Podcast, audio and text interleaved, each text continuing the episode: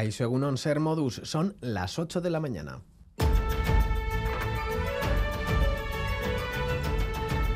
Crónica de Euskadi con Lier Puente. El día D ha llegado en pocas horas. A las doce y media las bicicletas se pondrán a rodar por las carreteras de Euskal Herria. El Tour ha llegado a mediodía, se dará el pistoletazo de salida desde la explanada de San Mamés de Bilbao. Allí está nuestro compañero Xavi Segovia con el casco y el maillot preparados. Está todo listo. Han comenzado a llegar los primeros aficionados a la línea de salida. Xavi Egunon.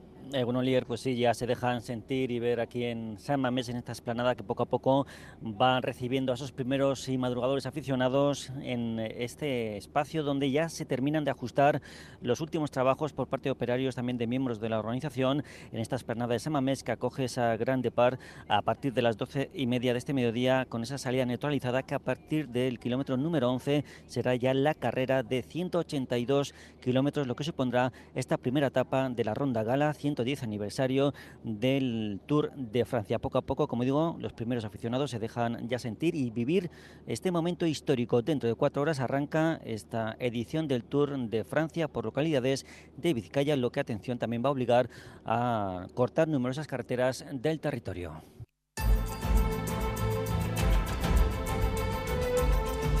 Enseguida volvemos a conectar con la salida del tour. La caravana publicitaria pasará por la línea de salida a las diez y media. La firma de los corredores será a las once y media. La llamada a las doce y veinticinco y a las doce y media comenzará la salida neutralizada. Empezará el pedaleo y cómo están los ciclistas. Lo tienen también todo preparado, compañeros de deportes, Diego Arambalza, Egunon. Egunon, pues sí, ya lo tienen todo preparado para el comienzo efectivamente del Tour de Francia. La capital vizcaína vive ya las horas previas al eh, inicio de la ronda francesa. Primera etapa, 182 kilómetros. Destacan las extensiones al vivero a 27 para meta y a Pique Videa a tan solo 9 para llegar a la línea de llegada situada en la avenida Zumalacárregui. Una jornada en la que vamos a poder ver los primeros movimientos entre los favoritos con el duelo entre Vingegaard y Pogachar y también a los nuestros con un final que nos permite soñar con un triunfo de etapa para corredores como Pello Bilbao, Mikel Landa o Johnny Zaguirre. La etapa va a partir, como decíamos, a las doce y media del mediodía, desde las 12 aquí en Radio Euskadi y Radio Vitoria, programa especial y a partir de las 4 el desenlace. Es que ricasco, Diego. El tour va a provocar afecciones en las carreteras. Se las vamos a detallar en unos minutos. Antes les contamos también que en Francia han vivido la cuarta noche de disturbios callejeros y saqueos. Esta madrugada han detenido al menos a 471 personas, una buena parte de ellas en Marsella a donde se han enviado refuerzos. El alcalde de Marsella, Benoit Payan, ha denunciado en redes sociales escenas de pillaje y de violencia inaceptables. También se han producido incidentes graves en otras ciudades como Toulouse, Lyon o Nanterre.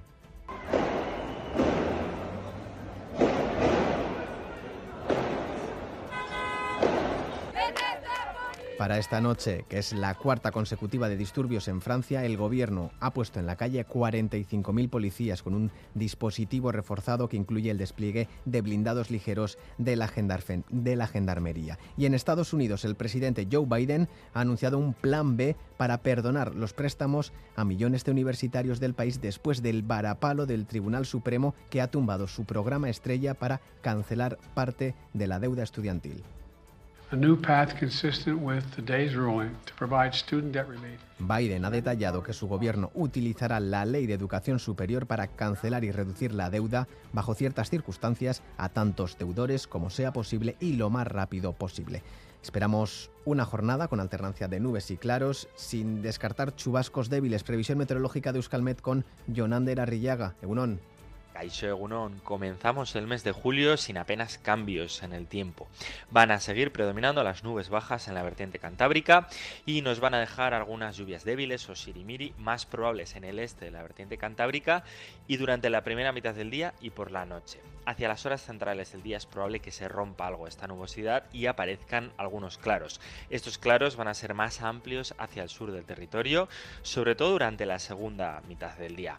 El viento va a soplar del oeste o noroeste y se va a hacer notar sobre todo en la costa y en el Valle del Ebro, con unas temperaturas que hoy se recuperan y se van a mover en general entre los 22 y 25 grados de máxima. Por tanto, van a seguir predominando las nubes bajas en el cielo de la vertiente cantábrica, pero con temperaturas más suaves que las de ayer.